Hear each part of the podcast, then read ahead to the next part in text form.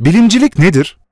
Bilim doğayı daha iyi tanımamızı, doğadaki yasaları keşfetmemizi ve bunun neticesinde doğayı kendi çıkarlarımız e, doğrultusunda manipüle etmemizi, kullanmamızı sağlayan bir araç.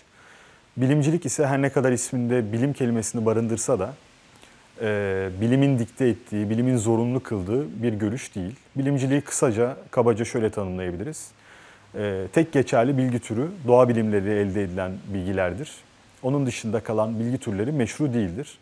E, bu bağlamda bilimcilerin genel iddiası e, bilimin insanların tek rehberi olması gerektiğidir.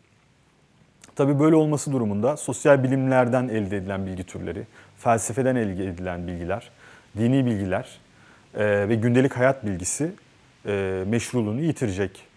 E, bu tabii problemli bir görüş ve bu bu görüşün neden problemli olduğunu başka bir videoda açıklayacağım. E, bunun yanında e, aslında bilimciliği savunanların şu noktayı atladıklarını görüyoruz.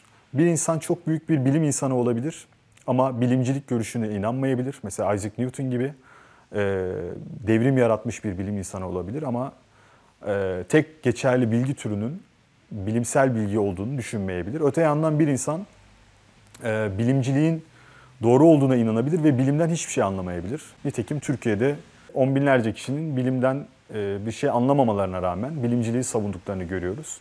Tabi burada bilimciliğin kolay savunulabilir e, bir görüş olması da etken. Çünkü bilimden, bilim tarihinden, felsefeden hiçbir şey anlamamanıza rağmen kolay birkaç sloganı ezberleyip bilimciliği savunabilirsiniz.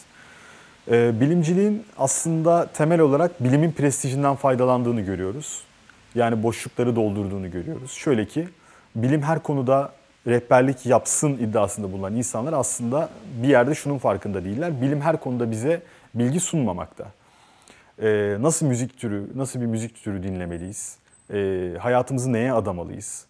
Ee, hangi ahlaki kodları takip etmeliyiz? Bilim bu konularda sessiz kalmakta. İşte bu boşlukları e, bilimcilik aslında insanların ideolojileriyle doldurduğunu göstermekte bize. Yani bilim her konuda bir şey söyleyemeyince o boş kalan alanları da insanlar kendi ideolojileriyle, kendi metafizik görüşleriyle doldurmaktalar. Nitekim günümüzde bilimciliğin en büyük e, savunucularından olan yeni ateistlerin de e, bilim adı altında bilimin prestijini kullanarak ateizmi e, savunduklarını, ateizmi e, pompaladıklarını görüyoruz. Türkiye'de bilimciliğin çok yaygın olduğunu, çok popüler olduğunu görüyoruz. Tabii buradaki temel neden e, bilimciliğin hiçbir bilgi birikimi gerektirmemesi. Yani birkaç slogan cümlenin ezberlenip tekrarlanması neticesinde e, bilimin tek rehber olduğu gibi bir görüşün e, kitlelerce benimsendiğini görüyoruz. E, bu nedenle Türkiye'de her ne kadar e, felsefi olarak bilim tarihi açısından problemli bir görüşte olsa bu kadar yaygın olmasından dolayı bilimciliğin ciddiye alınıp cevap verilmesi gereken bir konu olduğunu düşünüyorum. Ee, Daha detaylı olarak Bilimle Değildir isimli kitabımda bu konuyu inceledim.